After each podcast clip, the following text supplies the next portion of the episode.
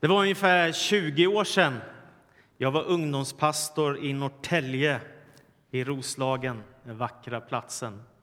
Så är det. Och vi hade besök av Stefan Gren som då var lärare på Brommaskolan, en av pingströrelsens folkhögskolor på bibellinjen där och han utbildade blivande pastorer och så.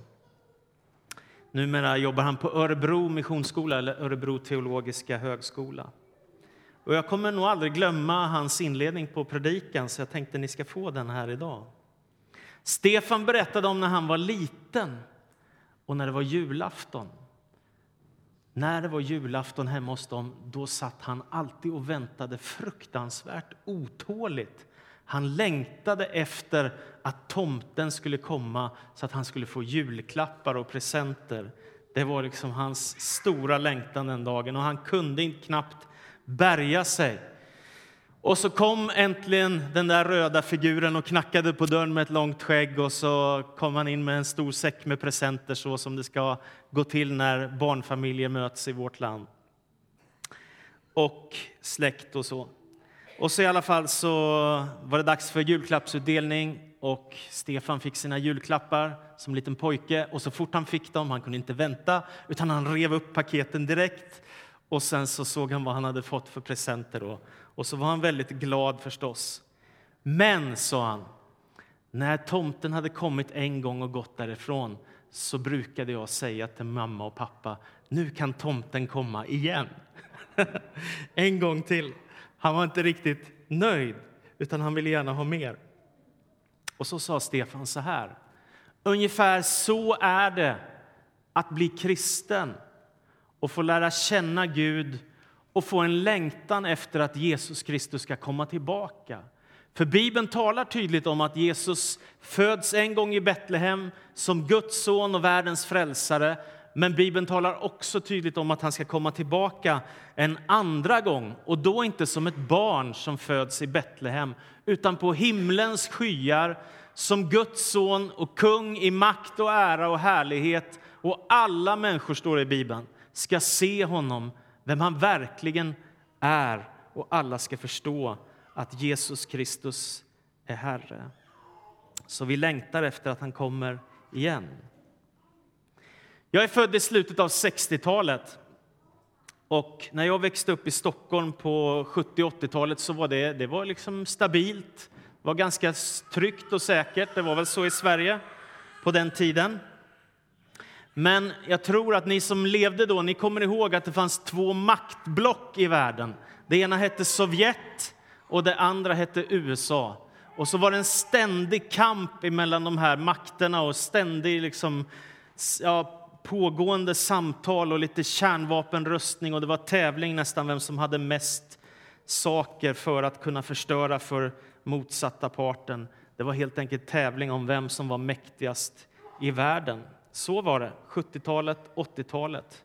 Sen kom en ny ledare för Sovjetunionen och han hette Mikhail Gorbatjov. Kommer ni ihåg honom, ni som levde på den tiden?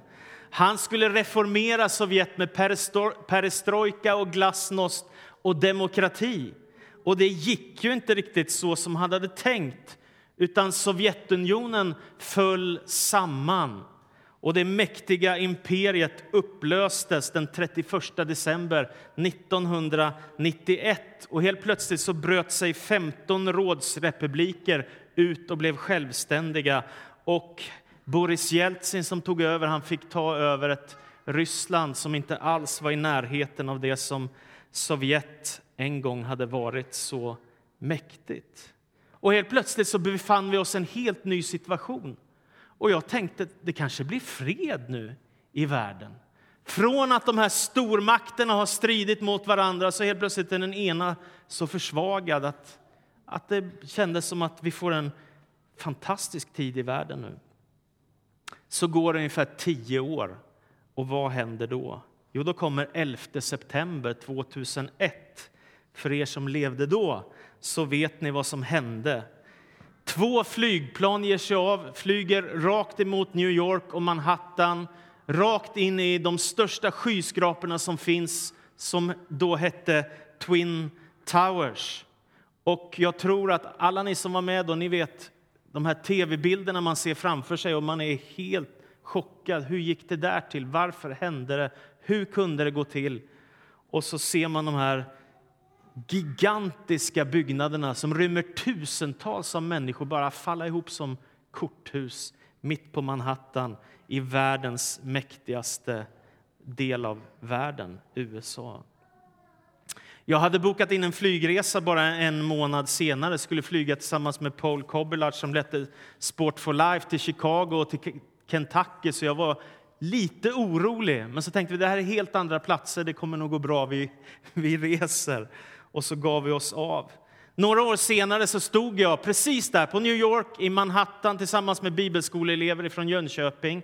Vi var 30-40 stycken. Och så kommer vi till Ground Zero i Manhattan och så står vi där och så ser vi där de mäktigaste skyskraporna har stått. Där var det nu bara ett enda gigantiskt stort hål i världens mäktigaste nations centrum. Det är märkligt att stå där.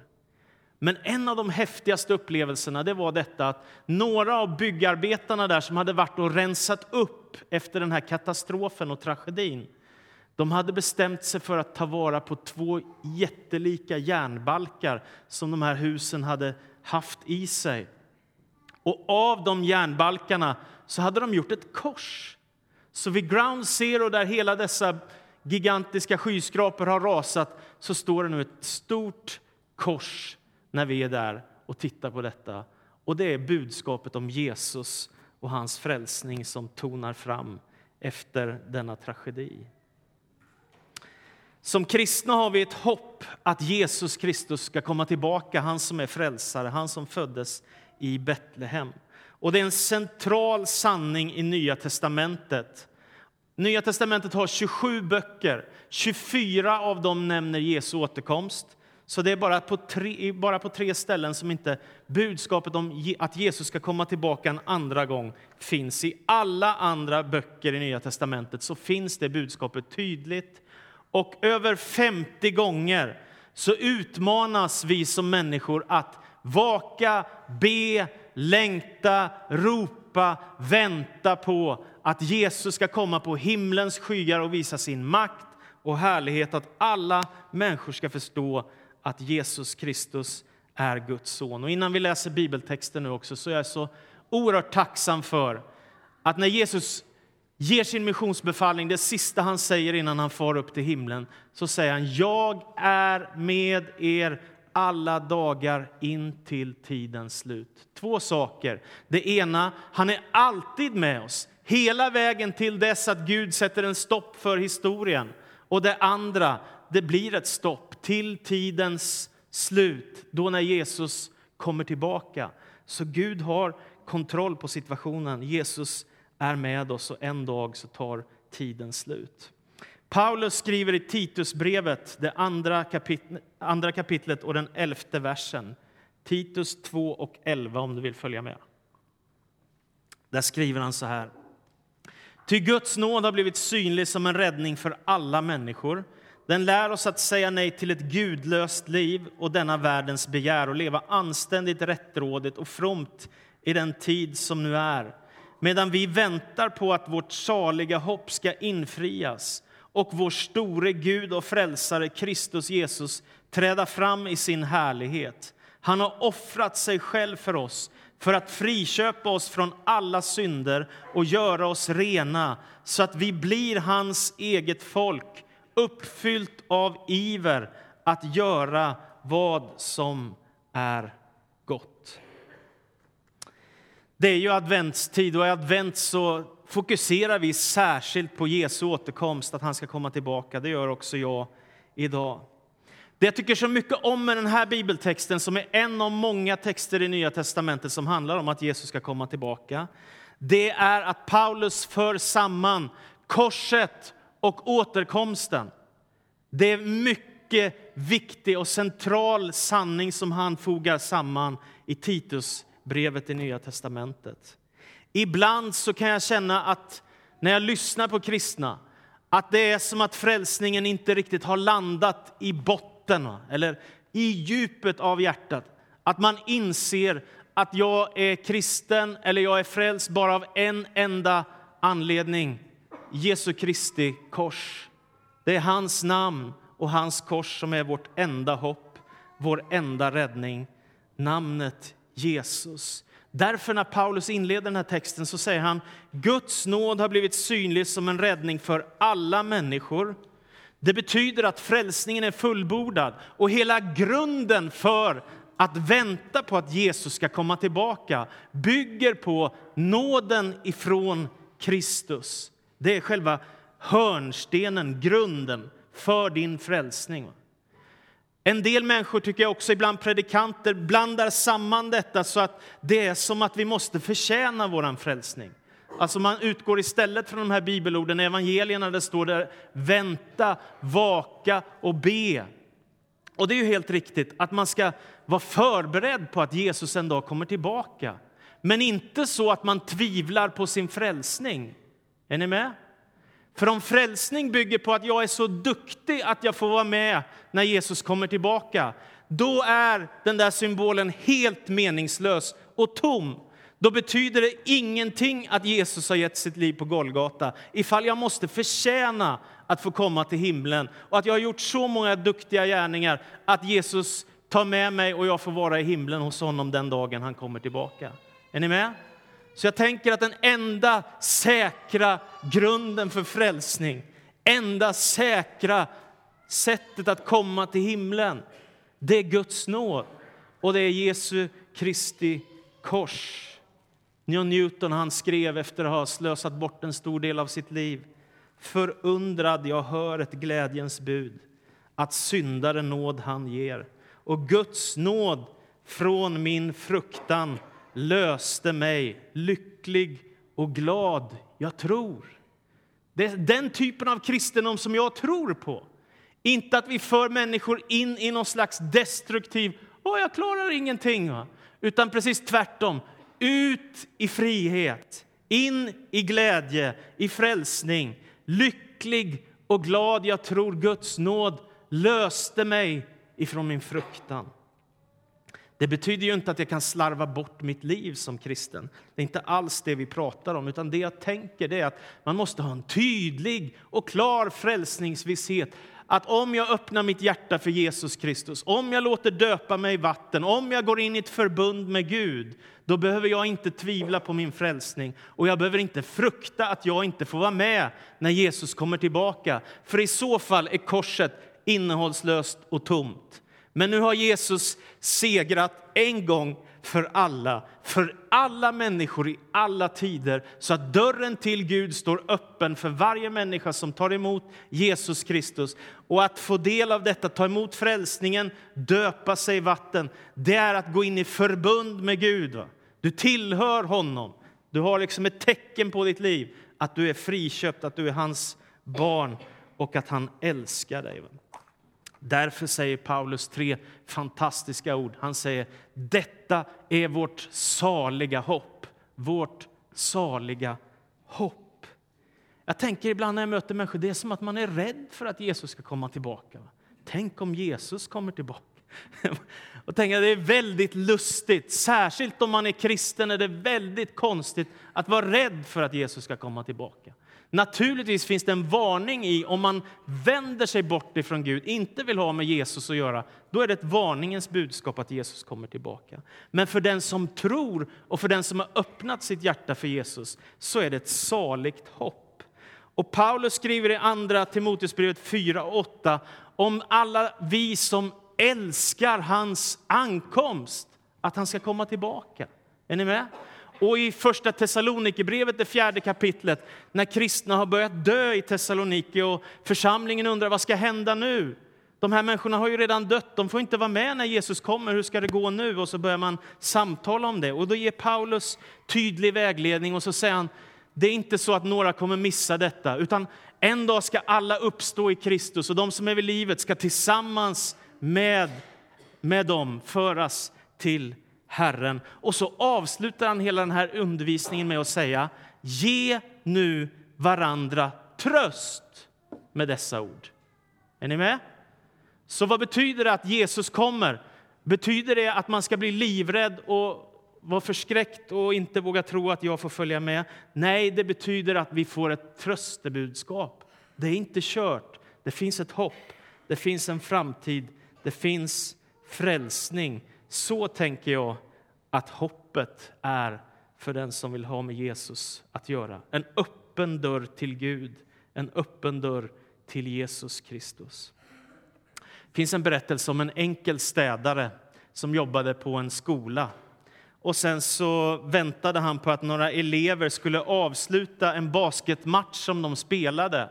Och han var kristen den här städaren, så han stod där och läste ur sin bibel. Och sen så när de har avslutat matchen så kommer en av killarna fram till honom och frågar vad läser du för någonting? Jag läser Bibeln, svarar han. Oj då, svarar killen då. Eh, vilken bok i Bibeln läser du? Jag läser Uppenbarelseboken. Oj då, förstår du vad du läser? Och då svarar städaren, ja visst, det gör jag. Jaha, vad står det där då? Jo, det står att Jesus vinner. Är ni med? Så enkelt, det är detta som evangeliet handlar om. Att Jesus Kristus är Messias, den levande Gudens son som faktiskt har, hör vad han säger, all makt i himlen och på jorden. USA är mäktigt, Sovjet som fanns var mäktigt och allt det. Men Jesus Kristus är Herre över allt detta. Det är vad evangeliet säger. Han är Herre över allt. Och därför när Johannes ser in i himlen i Uppenbarelseboken så får han först en syn där han ser Kristus som dör på korset och då är det bilden av ett lamm som blir slaktat som möter honom. Och sen så vänder han bort sitt ansikte och så vänder han sitt ansikte mot Jesus igen och då ser han lejonet av judastammen, en helt annan bild. Jesus som kommer tillbaka och så ropar en ängel i himlen. Gråt inte, se han har segrat, lejonet av judastam, skottet från Davids rot. Och han kan öppna bokrullen, står det. Alltså det som har med historien och framtiden att göra och bryta sigillen. Han har historien i sin hand. Han har den yttersta makten. Sen ger Paulus tre ord till.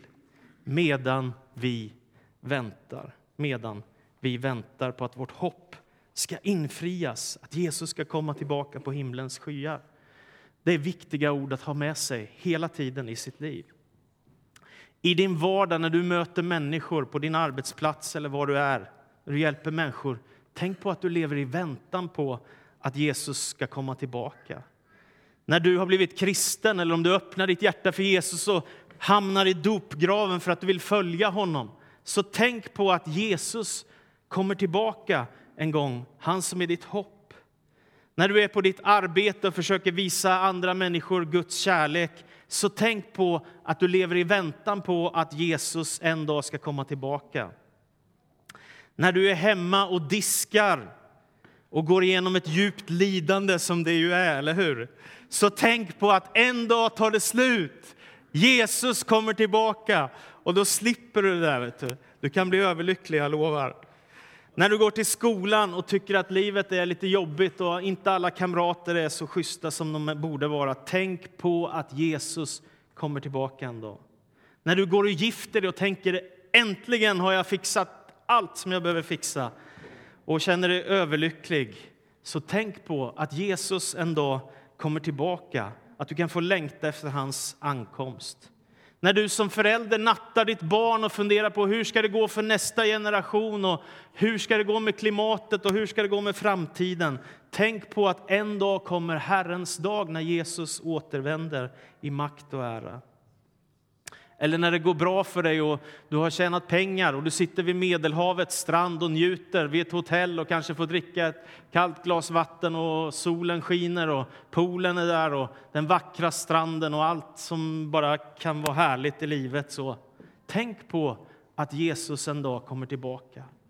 Eller när du bekymrar dig över förföljelse av kristna, klimatkrisen i världen eller vad det nu är. Tänk på att Jesus kommer tillbaka. När du som är gammal funderar på hur ska det gå med mig och hur ska det gå med framtiden. Tänk på att vi lever i väntan på Jesus Kristus. När du sitter vid dödsbädden hos någon vän som har sin sista sträcka i livet. Tänk på att det är inte slutet, det är inte sista ordet, utan Jesus kommer tillbaka en dag och det är vårt hopp och vår räddning. Att Gud har makt och Gud har kontroll och att en dag kommer den sista dagen. Så som avslutning, vad kommer att hända när Jesus kommer tillbaka? Jo, Jesus lovar faktiskt att evangeliet om honom ska gå ut i hela världen. Budskapet om riket ska predikas för alla folk, står det. Sedan ska slutet komma. Och då kommer Gud, står det, blåsa i sin basun ifrån himlen och en befallning utgå. Och så är tiden inne för Jesus att stiga ner från himlen och det kommer bli synligt för alla människor på hela jorden på något märkligt sätt att Jesus kommer tillbaka. Han kommer i härlighet, makt och ära. Och vad händer då? Jo, då står det att alla människor, alla människor ska böja knä inför Jesus Kristus och bekänna att han är Herre, Gud Fadern till ära. Gud sätter sig på tronen och då kommer han att uppväcka alla döda, någonting ofattbart. Och sen så ska krig och lidande upphöra, förföljelse mot kristna ska ta slut, Gud ska döma och frälsa världen, han ska rädda sin församling, han ska rädda sitt folk Israel och han ska förinta djävulen och antikrist ska kastas i den brinnande elden, står det. Falska profeter ska dömas och sen kommer det hända saker med oss. Vi ska få en uppståndelsekropp. Det här är märkliga ting. Det är inte bara så att vår själ ska frälsas, utan vi ska få en uppståndelsekropp, en förhärligad kropp så som Kristus när han uppstod ifrån de döda. En kropp som kan existera hos Gud i evighet. En förhärligad kropp så att vi kan vara nära Gud, ansikte mot ansikte mot honom. Ska vi bli lika Jesus. Och den som har det hoppet, säger Johannes, renar sig själv, låter sig själv renas och lever nära Jesus. Och så väntar vi på, skriver Johannes, en ny himmel och en ny jord där Guds rättfärdighet bor. Och då är all ondska besegrad, all djävulskap, allt det mörka är fördrivet och besegrat och borta för evigt. Och Guds härlighet, makt och kärlek blir synlig i en ny himmel och en ny jord. Och vad ger Jesus för löfte till oss? Och han säger som jag redan har sagt, jag är med er alla dagar in till tidens slut. Och därför så säger han också, känn ingen oro. Tro på Gud och tro på mig. Och så säger han, i min faders hus finns många rum. Och det är tur, eller hur? Att det inte finns få rum. Det finns många rum som han har förberett. Och sen så säger han, anden som du har fått om du har öppnat dig för Jesus, den är som en borgen, som en handpenning på evigheten som väntar hemma hos Gud. En slags försmak av himlen.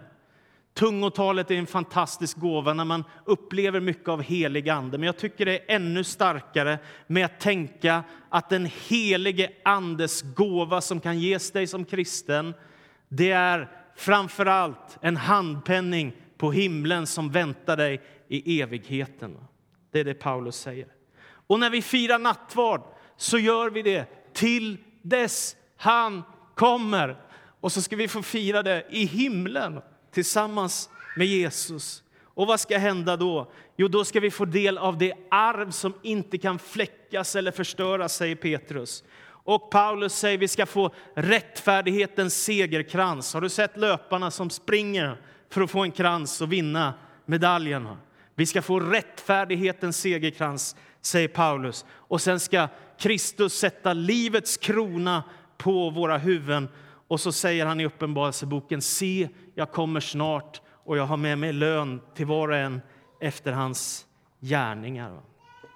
Därför säger Petrus i det andra brevet, det första kapitlet och den nittonde versen. Nu kan vi ännu mer lita på profetorden. De bör ni låta lysa för er som en lampa i ett mörkt rum till dess dagen gryr och morgonstjärnan går upp i era hjärtan. Och nu kanske någon tänkte det var väldigt vad han är i himlen och långt borta och Jesus och återkomsten och så. Men för mig är det så att alla de här orden, de går in i mitt vardagsliv. Det vill säga, jag tänker inte så här om mitt liv, att jag föddes då och sen så ett antal årtionden och så dör svart, mörkt slut. Utan jag tänker, jag föddes då och sen så kom det en som hette Jesus till mig och frälste mig och det betyder att det tar inte slut. Det fortsätter i evigheternas evighet och man får aldrig säga amen för det fortsätter ändå ännu längre. Evigheternas evighet. Trösta varandra med dessa ord. Jesus kommer tillbaka. Han är vår räddning, han är vårt hopp, han är vår frälsning. Och det finns ingen annan väg till Gud enligt Jesus Kristus. Därför, ta emot nåden, ta emot frälsningen. Lev för Jesus, var med och bygg hans rike och hans församling. Låt döpa dig i vatten om du inte har gjort det och ge ditt hjärta till Jesus Kristus. En dag kommer han tillbaka och det är mänsklighetens stora hopp och framtid. Amen. Jesus, så ber jag att du ska välsigna oss, att vi får ta emot ditt ord och leva med dig och för dig, Herre. Jag ber att det här ska vara levande för oss, inte som en, en långt bort någonting som händer någon gång i framtiden som inte har med oss att göra, utan tvärtom att ljuset från evangeliet om hoppet om återkomsten kan få skina in över våra vardagsliv, Herre. Att det här är inte allt, det finns något så oändligt mycket större. Och en dag kommer hela världen att överraskas av vad som ska ske när du kommer på himlens skyar. Så ber vi i Jesu Kristi namn. Amen. Amen.